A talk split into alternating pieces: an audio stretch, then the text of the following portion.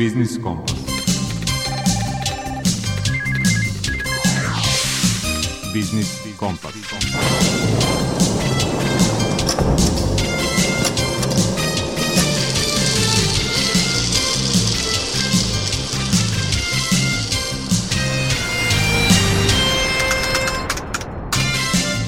Dobar dan, ja sam Eva Tomović i bit ću sa vama o današnjem Biznis Kompasu.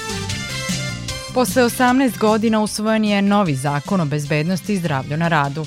Koliko su zakonska rešenja bolja i hoće li doprineti da broj povreda na radu i profesionalnih bolesti bude manji, o tome na samom početku emisije u rubrici Aktuelno.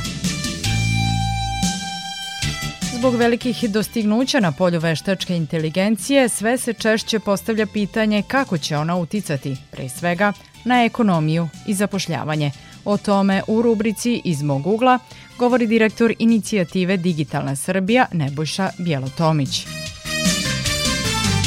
U rubrici Svet preduzetništva o konkursu Pokrajinskog sekretarijata za privredu i turizam za dodelu subvencija za samozapošljavanje govori Marija Prokopić iz Regionalne razvojne agencije Bačka.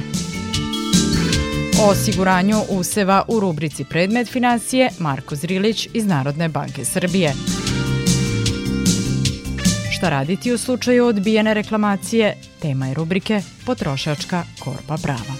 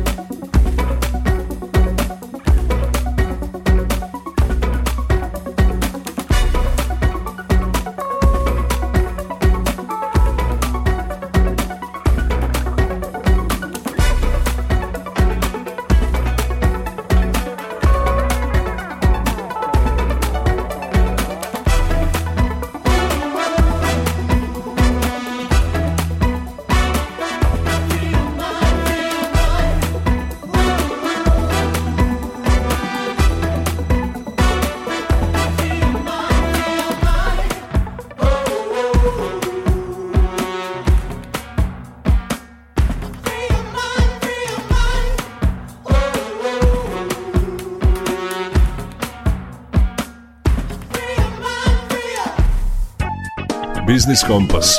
Aktualno. Prošle godine u Srbiji na radu je život izgubilo oko 50 radnika. 3.500 je teško, više od 17.000 lakše povređeno. Novi zakon o bezbednosti i zdravlju na radu usvojen posle 18 godina trebalo bi da unapredi bezbedniju i zdraviju radnu sredinu. Jedna od novina jeste da je poslodavac u obavezi da zaposlenog na njegov zahtev uputi na lekarski pregled u redovnim intervalima i da te troškova i plati. Osim toga, dužan je da izdaje dozvolu za rad zbog veće zaštite zaposlenih pri obavljanju visokorizičnih poslova. Novine su i licence za inženjere zaštite na radu, a kazne za poslodavce su udvostručene sa milion na 2 miliona dinara. Dobro je da se novi zakon donosi posle gotovo dve decenije, ali neće biti dobro ako se ne bude poštovao, poručuje Ranka Savić iz Asocijacije slobodnih i nezavisnih sindikata. Poučena iskustvom i praksom, ja uvek kažem da nije dovoljno doneti dobar ili solidan zakon, to pogotovo potvrđujem kao neko ko je diplomirani pravnik. Dakle, mi u ovoj našoj zemlji imamo niz e, dobrih zakona koji su usklađeni sa standardima Evropske unije, koje je u krajnjoj liniji Međunarodna organizacija rada odobrila. Ali onda kada taj zakon izađe iz Skupštine, kada bude proglašen u službenom glasniku, on kreće u praksu i onda mi dobijamo potpunu karikaturu od tog zakona. Jedna od najvećih izmena koju predviđa novi zakon, osim pooštravanja kaznene politike, jesu veće ovlašćenja inspektorima. Ranka Savić ističe da nemamo dovoljno inspekcijskog kadra da obavlja te poslove. U Srbiji registrovano 400.000 privrednih subjekata. Mi danas inspektora rada imamo 250, odnosno od pre neki dan je povećano na 280. Ali ako uzmemo da je 250 inspektora rada, i uzmemo ovaj broj privrednih subjekata, onda jedan inspektor dolazi na 1550 privrednih subjekata, pa da je on idealan, da je uh, spreman da radi, da je savestan, on jednostavno ne može to da postigne i ne može tim zadacima, ne može da ispuni zadatke koje se stavljaju pred njega. Na koji način u inspekciji rada ipak mogu biti efikasni, pre svega kada je reč o zapošljavanju stranaca, govori načelnica Odeljenja inspekcije rada u Novom Sadu Ljiljana Stojšić. Kada je u pitanju zapošljavanje stranaca, veliku logistiku i veliku pomoć nam pruža pružati MUP Republike Srbije, znači oni imaju jače kapacitete u smislu brojnosti, tako da mi međusobno razmenjujemo informacije i vrlo ovi, brzo ćemo se mi konsolidovati na koji način ćemo biti efikasni u toj kontroli. Pored toga, kada govorimo baš o angažovanju stranih državljana, Nacionalna služba za zapošljavanje je izuzetan resurs, znači mi sa njom sarađujemo, imaćemo sve informacije vrlo brzo, elektronski smo povezani, znači informacije će teći,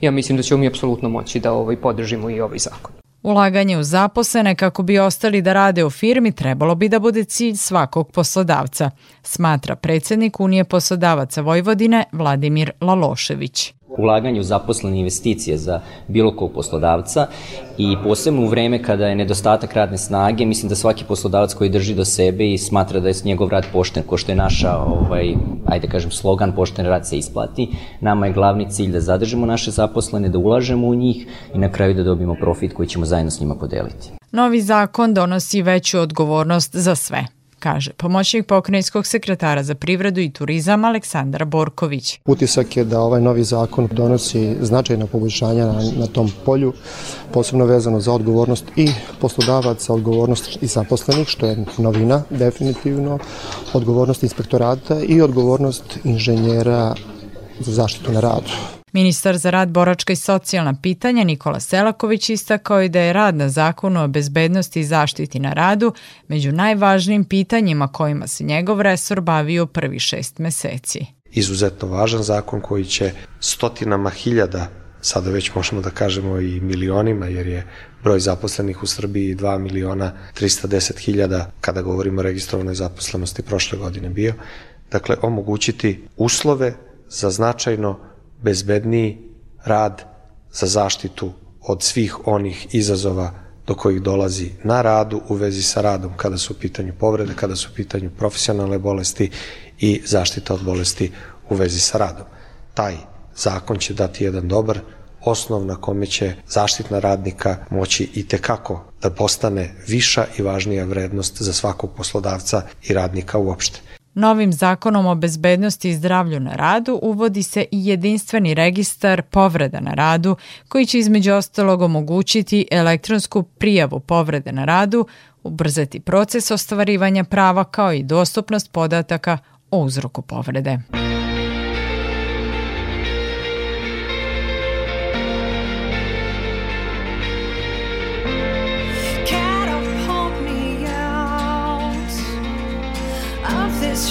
Fantasy, it's never been mine.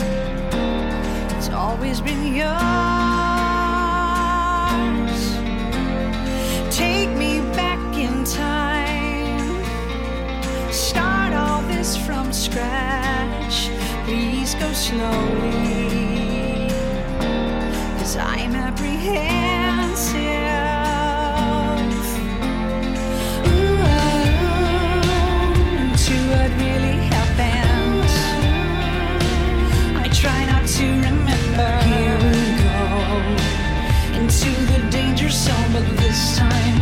of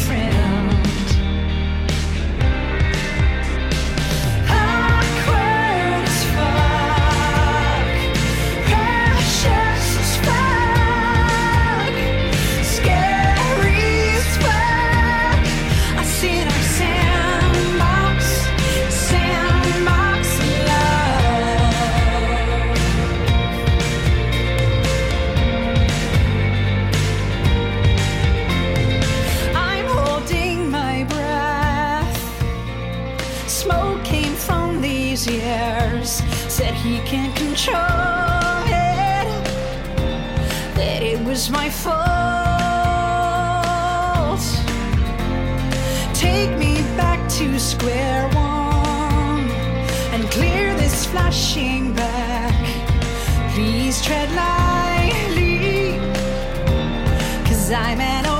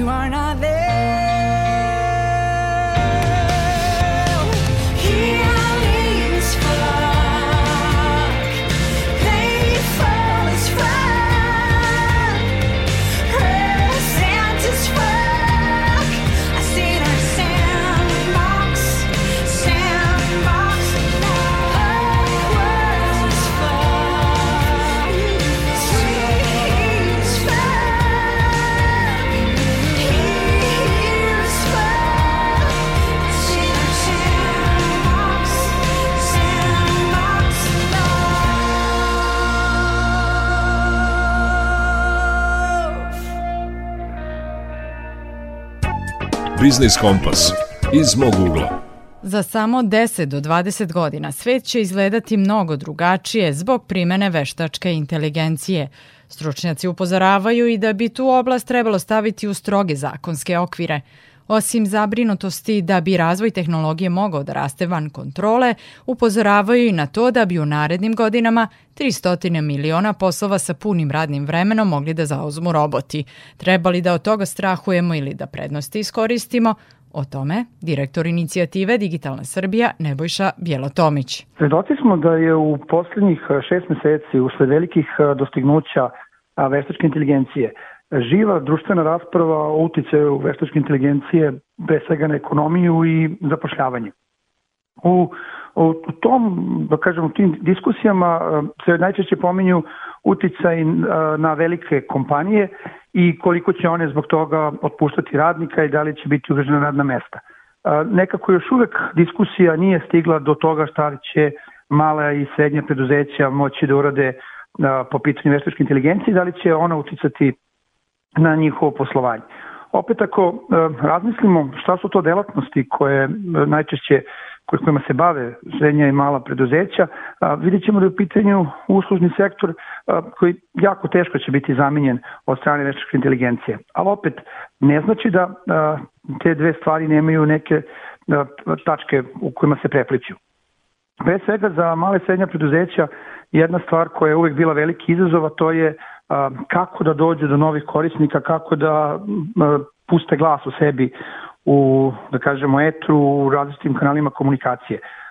U tom, u tom naporu veštačka inteligencija može biti od velike pomoći. Jer prilika je bila da se vidi veštačka inteligencija relativno lako kreira tekstove, kreira nešto što može biti da li post na internetu, da li neki oglas i prostim upitom je moguće kreirati tekst za koji bi nešto ranije bilo potrebno da se verovatno angažuje neka marketinška agencija, što jel nije baš uvek dostupno, isplativo, niti lako za malo srednje preduzeće. Stoga ono što pokušavam da, da napravim kao tezu jeste da koliko god to zvučalo daleko trenutno od nekog svakodnevnog života, nekog ko se bavi nekim preduzetništvom, u stvari možda je pravi moment da se zainteresuje i da pogleda koje su to mogućnosti koje će raznorazni alati koji su već dostupni, tek će biti dostupni, mogu pomoći preduzetnicima i ljudima koji imaju male kompanije da pre svega u smislu komunikacija kreiraju da li neke, da kažem, postove, da li neke oglase, da li portale, šta su sve već mogućnosti koje su ranije bile verovatno zahtevale mnogo napora, mnogo znanja ili da kažem mnogo novca da bi se neko drugi unajmio to uradi umesto tih uh, kompanija. Vidimo da takođe nešto što je ranije možda bila prepreka za korišćenje tih naprednih alata nije, jer jel alati koje, koji koriste veštačku inteligenciju koriste lokalne jezike od uh, srpskog pa do bilo kog drugog jezika koji je potreban za oglašavanje, te stoga komunikacija i oglašavanje putem veštačke inteligencije postaju izuzetno dostupni za mala i, i srednja preduzeća. I to je jedan trend koji uh, će verovatno sve više biti korišćen uh, u razvijenim tržištima, ali oni, da kažem, predstavnici kompanija koje krenu kod nas prvi to da rade imaće sigurno prednost u tom domenu, jer opet videli smo da pored tradicionalnih kanala komunikacije zadnjih nekoliko godina internet i svi kanali komunikacije putem uh, interneta, da li to bili različiti messengeri, da li bile društvene mreže ili opet statički portali su nešto što je i tekako bitno i malim i srednjim preduzećima donosi korisnike. Uz korišćenje veštačke inteligencije ti postovi, ti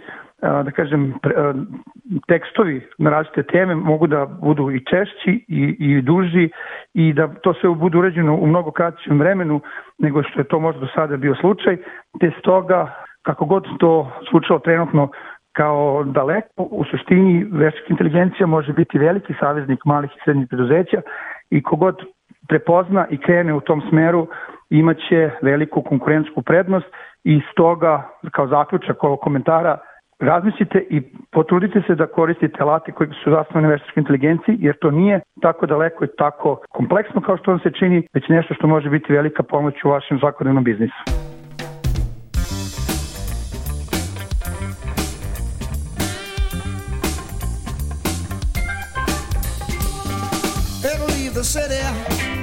Balance out my head. Well, it's time for changes. I pack my things and left. Caught up with your bed, reaching for the stars.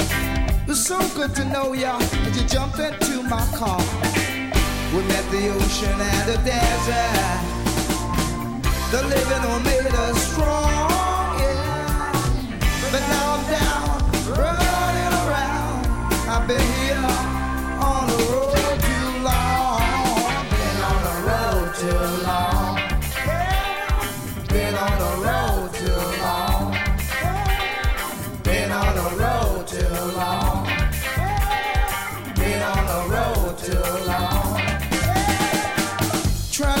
something I know you'll understand. It's time for changes. I head on to some other land. Then I found out I was here before, which make it so hard for us to want some more. We met the ocean and the desert. The living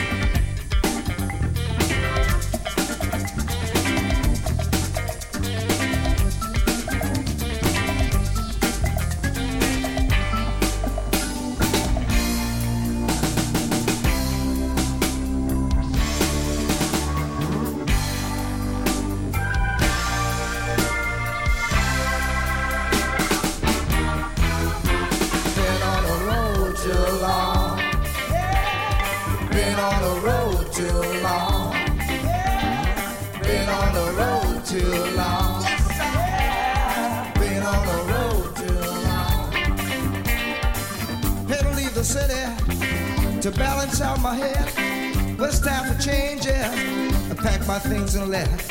Caught up with you, babe reaching for the stars. It was so good to know you as you jumped into my car.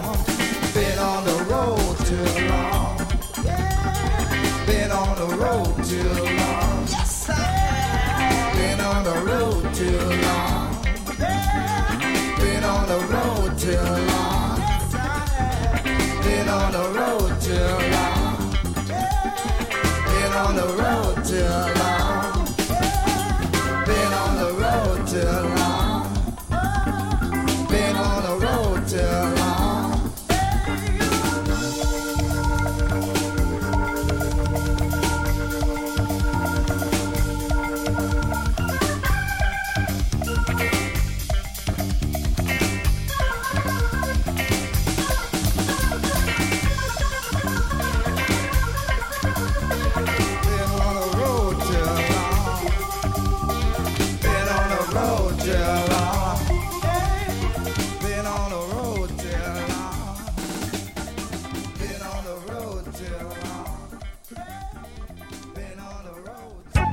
Biznis Kompas.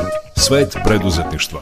Nezaposleni koji planiraju da započnu svoj biznis mogu da konkurišu za subvencije koje dodeljuje Pokrajinski sekretarijat za privredu i turizam. Budući preduzetnici mogu da dobiju 300.000 dinara.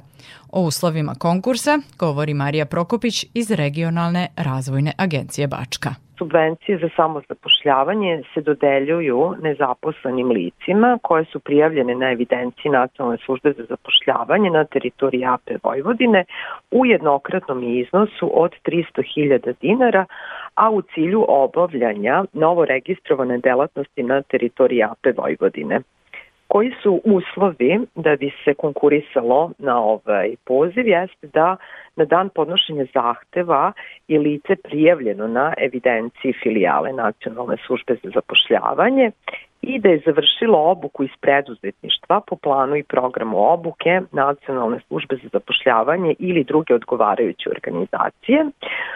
S obzirom da je rok ovog javnog poziva a, 3. juni 2023. godine, moram da kažem da svi oni koji nisu imali prilike da završe ovu obuku i dobiju sertifikat u Nacionalnoj službi za zapošljavanje, to mogu uraditi i u našoj agenciji, znači regionalnoj razvojnoj agenciji Bačka i mi ćemo obuku za početnik u poslovanju držati 22. i 23. maja u američkom kutku u Novom Sadu. Tako da svima koji je neophodan e, sertifikat mogu nam se javiti. Detalje oko prijeve na obuku mogu naći na našem sajtu. Dalje što se tiče javnog poziva, pravo na subvenciju se može ostvariti znači u slučajima kada lica otvaraju preduzetničke radnje, o tako, ili preduzeće ili drugi oblik organizovanja u svrhu obavljanja preduzetničke aktivnosti, ne mogu oni koji planiraju znači da otvore individualno poljoprivredno gazdinstvo, zadruge i udruženja. Isto tako ne mogu oni koji su već ostvarili pravo na isplatu novčane naknade u jednokratnom iznosu za samozapošljavanje i ukoliko je lice za istu namenu već koristilo subvenciju sekretarijata ili nacionalne službe za zapošljavanje. Što se tiče dokumentacije koja se podnosi na ovaj konkurs, jeste zahtev sa biznis planom na propisanom obrazcu. Obrazac se može naći na sajtu Nacionalne službe za zapošljavanje. Isto tako i Regionalna razvojna agencija Bačka je ovaj, na svom sajtu objavila tekst javnog poziva a, pored zahteva sa biznis planom a, prilaže se i dokaz o završenoj obuci, ovo što sam spominjala, i pisane izjave podnosioca zahteva o svim drugim de minimis državnim pomoćima koje je dobio u prethodnom trogodišnjem fiskalnom periodu i da li mu je i po kom osnovu već dodeljena državna pomoć za iste opravdane troškove ili izjava podnosioca zahteva da nije koristio državnu pomoć. Inače, zahtev sa biznis planom se podnosi u tri primerka, a, isključivo na obrazcu koji sam rekla da se može preuzeti na sajtu sekretarijata za privredu, nacionalne službe za zapošljavanje i sve dodatne informacije se mogu naći na broju telefona 021 487 4306 svakog radnog dana od 10 do 14 časova. I još jednom da ponovim, rok za podnošenje zahteva je 3. juni 2023. godine.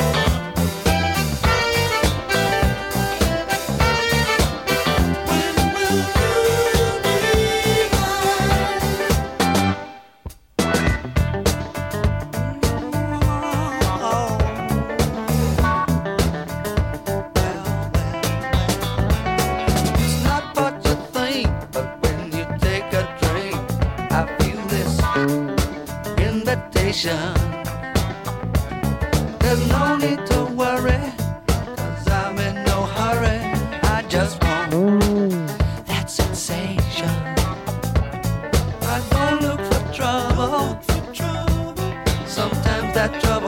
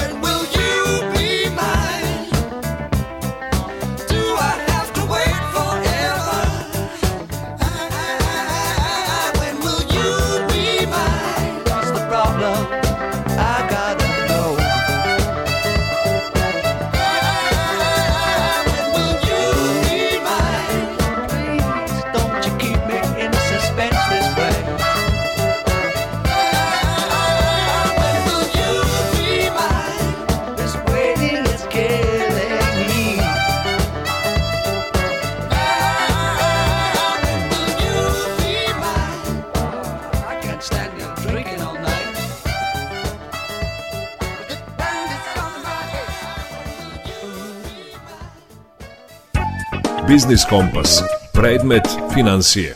Svedoci smo klimatskih promena koje se dešavaju. Klimatski uslovi su se zbog globalnog zagrevanja značajno promenili, te stručnjaci upozoravaju da će u budućnosti biti mnogo više nepredvidivih nepogoda na koje nećemo moći da utičemo. U prethodnih nekoliko godina Srbiju su pogađale elementarne nepogode sa katastrofalnim posledicama i velikim štetama po poljoprivredna gazdinstva. Osiguranje useva jedan je od najboljih načina da se imovina zaštiti od nepredviđenih događaja koji mogu da utiču na smanjenje planirane zarade. O osiguranju useva govori Marko Zrilić iz Narodne banke Srbije. Poljoprivrednici vrlo dobro znaju da je nevreme u stanju da samo za nekoliko sati umanji rod pšenice, kukuruza, suncokreta, maline i drugih kultura za čak više od 50%. Dodatni problem je količina i kvalitet roda za naredne godine, jer elementarna nepogoda negativno utiče na kvalitet zemljišta. Nažalost, iako u kratkom roku na klimu ne možemo da utičemo, poljoprivrednici mogu na neki način da se zaštite, Useve i plodove delom mogu zaštititi korišćenjem protivgradnih mreža, koje su dobra zaštita za voćak i vinograde od grada, štite plodove od jake sunčeve svetlosti koje izaziva žegotine. Sa druge strane, svojvrsan vid šire zaštite je svakako osiguranje useva i plodova. Šta se sve može osigurati? Mogu se osigurati žitarice, industrijsko bilje, povrće, voćnjaci i vinogradi, mladi voćnjaci i vinogradi do stupanja u rod, usevi i plodovi u staklenicima i plastenicima, voćno-lozni i šumski sadni materijal, mlade šumske kulture do navršenih 6 godina, lekovito i ukrasno bilje, krvno bilje, pa čak i vrbe za pletarstvo, trska i tako dalje. Od čega se usevi i plodovi mogu biti osigurani? Klasično osiguranje štiti od rizika požara grada i groma i tu polisu posjeduje 90% osiguranih. Mnogo manje je poljoprivreda osigurana od oluje, jesenjeg ili prolećnog mraza, poplave ili gubitka količine i kvaliteta ploda. To su takozvana dopunska osiguranja koja se kupuju uz osnovno osiguranje. Zaboravlja se da su ti rizici na ovim prostorima sve češći i da nanose gubitke na više godina, a da su prognoze da će klima biti sve ekstremnije. Jedno od važnijih pitanja je koliko košta osiguranje u poljoprivredi. Za osiguranje poljoprivrednih kultura treba izdvojiti 2 do 5% vrednosti proizvodnje, odnosno onoga što će se dobiti kada se proda letina. Država je za poljoprivrednike u Zlatiborskom, Moravičkom, Kolubarskom, Podunavskom i Šumadijskom okrugu povećala subvencije sa 45 na 70 Lokalne samouprave mogu dodatno da regresiraju premiju i učine je još jeftinijom ili čak besplatnom. Kako se određuje visina premije, odnosno koja je cena osiguranja? Premija osiguranja se određuje u zavisnosti od ugovorenih rizika osiguranja koji mogu biti osnovni kao što su grad, požar i grom i dopunski kao što su oluja, poplava, prolećni i jesenji mraz i zimsko izmrzavanje. Premija osiguranja na nivou rizika određuje se u zavisnosti od klase osetljivosti kulture koja se osigurava i zone rizika, odnosno klase opasnosti područja gde se kultura uzgaja. Premija osiguranja takođe zavisi od broja osiguranih hektara i trajanja osiguranja. Pojedina osiguravajuća društva nude pakete osiguranja za seoska gazdinstva koji podrazumevaju osiguranje plodova, useva, životinja i imovine. Trebalo bi znati da paketi osiguranja nose određene pogodnosti i da bitno utiču na snižavanje cene. Takođe, pojedina osiguravajuća društva nude i određene pogodnosti za vlasnike registrovanih poljoprivrednih gazdinstava. Upravo ovim registrovanim poljoprivrednim gazdinstvima država vraća deo plaćene premije osiguranja. Ko procenjuje nastalu štetu? Procenu štete rade agronomi, a ne agenti osiguranja čiji je posao da prodaju polise. Ako klijent nije zadovoljan procenom štete, može da uloži prigovor i onda se ide na drugostepenu komisiju. Tada procenu rade drugi procenitelji u odnosu na prvu procenu. Ako klijent ni tada nije zadovoljan, može se ići na sudsko veštačenje.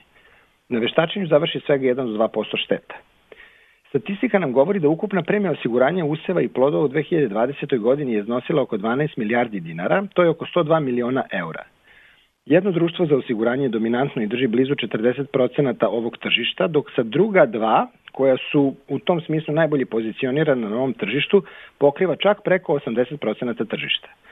Ukoliko se posmatra period od poslednjih 5 godina, može se zaključiti da kategorije kao što su broj zaključenih ugovora, ukupna premija i rešene štete osiguranja useva i plodova beleže pozitivan trend, osim u prvoj pandemijskoj 2020. godini kada je broj osiguranja i iznos rešenih šteta zabeležio pad. I na kraju savet za sve korisnike osiguranja. Pre nego što ugovorite ovu vrstu osiguranja. Raspitajte se koja osiguravajuća društva nude i pod kojim uslovima osiguranje useva i plodova.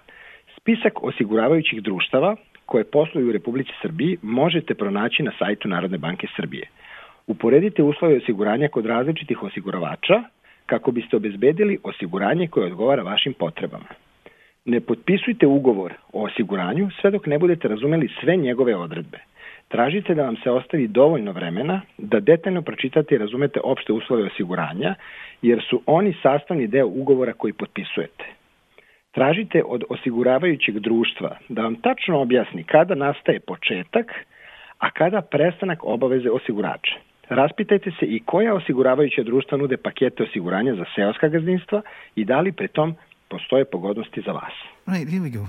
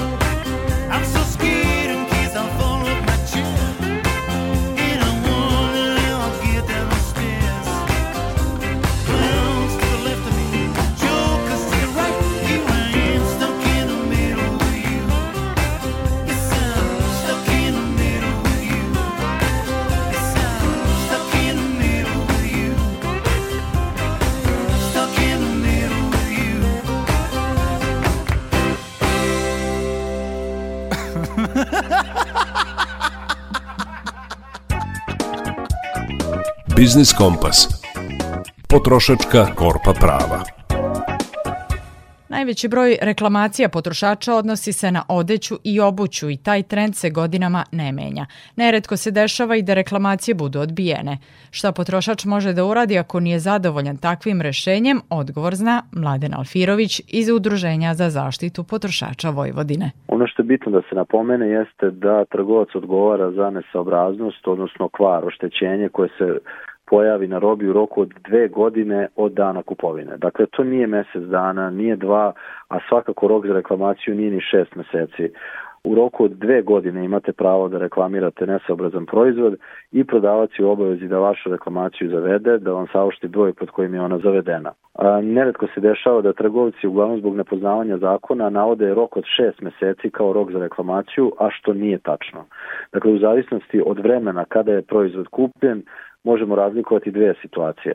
Prva situacija se odnosi na tih prvih šest meseci od kupovine, a druga nakon šest meseci. Ukoliko se na obući ili odeći pojavi nesobraznost, na primjer ošije se, odlepi se džon, pukne, uh, odeća ili obuća, u ovom roku po zakonu se smatra da je proizvod prodat sa navedenim nedostatkom. Dakle, ukoliko se taj nedostatak javi u prvih šest meseci, smatra se da vam je proizvod prodat sa tim nedostatkom. Ako se u tom roku roba reklamira i reklamacija se odbije, trgovac je obavezi da takvu odluku stručno obrazloži i dokaže da je potrošač nestručnim rukovanjem, neadekvatnim održavanjem i slično odgovoran za takav nedostatak. Stručno rukovanje obućom i odećom podrazumeva njihovu redovnu, uobičajenu upotrebu i da nije došlo do nekog mehaničkog oštećenja, dok e, adekvatno održavanje podrazumeva održavanje i čišćenje obuće recimo u skladu sa upustom koje je navedeno na deklaraciji. E, najveći broj trgovaca obuću i odeću navodno prosleđuje ustanove koje se bave izdavanjem stručnih mišljenja kao što su Jugo Inspect, Textil Inspect, CIS, Profi Lab i slično i na taj način obrazlažu svoju negativnu odluku, mada nam iskustvo govori da obuća često i ne stigne do bilo kakve ustanove, već se odgovori i obrazloženja formiraju na licu mesta u maloprodajnom objektu. Ono što je bitno napomenuti jeste da ova stručna mišljenja nisu obavezujuća za prodavca. Dakle, prodavac nije u obavezi da postupi po tom takvom nekom mišljenju koje dobije, možda čak i važnije, nijedna od navedenih ustanova nije akreditovana za kontrolu kvaliteta obuće i odeće. Iako ova mišljenja najčešće daju tehnolozi koji poznaju proizvodni proces i na osnovu nekog svog ličnog iskustva, vizualnim opažanjem prepostavljaju šta je dovelo do oštećenja, ovako stručno mišljenje može predstavljati samo jednu od informacija u procesu reklamacije zapravo u procesu rešavanja reklamacije. Dakle, ono nije obavezujuće za trgovca. Trgovac može bilo kakvu odluku da donese, može na licu mesta da vam vrati novac, da vam zameni obuću. To stručno mišljenje koje on pribavi nije obavezujuće, iako ga on, nažalost, u praksi najčešće koristi za, za odbijanje reklamacija. Ukoliko se situacija odigra na opisani način, ukoliko se dakle odbije reklamacija i dostavi stručno mišljenje i sve bude u skladu sa zakonom, na potrošača onda prelazi obaveza da dokaže da do nesaobraznosti nije došlo njegovom krivicom. Najpouzdaniji dokaz svakako je susko veštačenje od strane suskog veštaka odgovarajuće struke, ali za nastavak reklamacionog ili početak nekog sudskog procesa može poslužiti i to pomenuto stručno mišljenje neke od ustanova za kontrolu o kom smo malo pregovorili. Sa ovakvim drugačijim kontradiktornim mišljenjem moguće je obratiti se nekom od udruženja potrošača koje dalje preduzimaju korake u skladu sa zakonom u cilju rešavanja potrošačkog spora, bilo da pregovaraju sa trgovcem, bilo da pokreću određeni sudski postupak, a postoji mogućnost za, za van sudsko rešavanje spora u skladu sa novim zakonom o zaštiti potrošača. Takođe, ono što bi izdvojili jeste da u Srbiji ne postoji ni jedna akreditovana laboratorija koja posjeduje sertifikovani standard, odnosno akreditaciju za kontrolu kvaliteta odeće i obuće i tekstila, o čemu naša organizacija, ali i ostale organizacije već godinama upozoravaju i zahtevaju od nadležnih organa da se formiraju i spostave takve ustanove koje bi pomogle da se znatno smanji broj reklamacija na odeću i obuću lošeg kvaliteta. Postavlja se pitanja šta nakon šest meseci od dana kupovine, dakle to je druga ona situacija, u slučaju da se obuće ili odeće reklamira u ovom roku, prodavac nema nikakvu obavezu da obrazlaže svoju odluku i dovoljno je samo da napiše da se reklamacija odbija. Dakle, u slučaju ovakvog negativnog odgovora, tere dokazivanja uzroka nedostatka odmah prelazi na potrošača i proces se dalje nastavlja kao što smo prethodno naveli, dakle potrošač mora da dokazuje da li će to raditi preko veštaka ili slanjem obuće u neku ustanovu za kontrolu kvaliteta, to je na njemu da odluči. Uglavnom sve informacije može dobiti direktno od naše organizacije uh, ukoliko nas kontaktira nakon što mu je odbijena reklamacija. Ono što nam se često postavlja kao pitanje jeste šta radi tržišna inspekcija, koje su njene nadležnosti u ovakvoj situaciji. Ono što je bitno napomenuti jeste da tržišna inspekcija ne rešava problem potrošača ukoliko problem postoji. Dakle, nadležnost tržišne inspekcije ogleda se isključivo u proveri formalnosti koje su propisane zakonom kao što su način odgovora na reklamaciju, poštovanje procedure, poštovanje rokova, da li je odgovoren u roku od 8 dana, da li odgovor sadrži sve ono što je zakonom propisano. Dakle, inspekcija je tu da iskontroliše te neke formalne stvari, a sam postupak rešavanja e, problema nije u nadležnosti inspekcije, dakle on je u nadležnosti potrošačkih organizacija, sudova i tela za van sudsko rešavanje potrošačkih sporova. Dakle, to su neke tri opcije koje su potrošačima na raspolaganju u slučaju da im se odbije reklamacija ne samo na odeću i obuću, nego generalno na, na svu robu. Dakle, iako inspekcija ne rešava direktno problem potrošača, često se propusti od strane trgovaca konstatuju od strane inspekcije, pa to može svakako pomoći organizacijama potrošača ili telima za van sudsko rešavanje da se lakše taj spor sa trgovcem reši.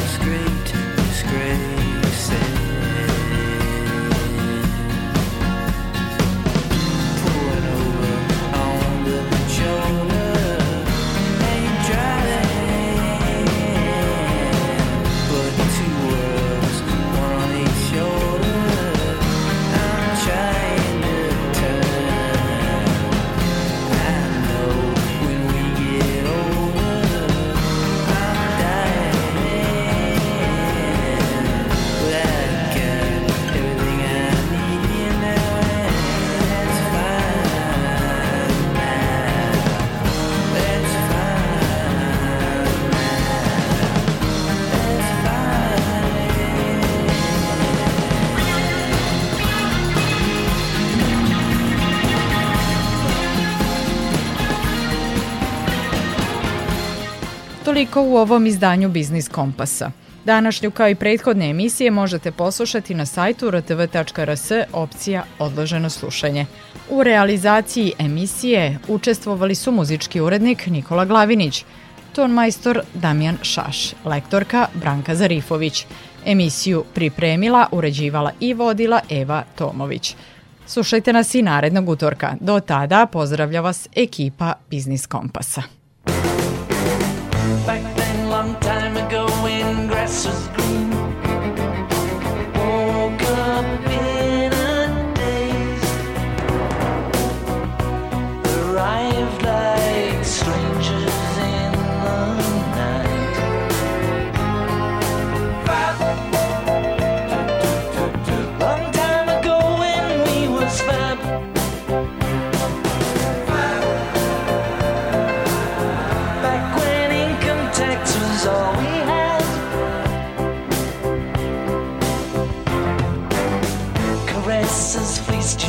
The morning light.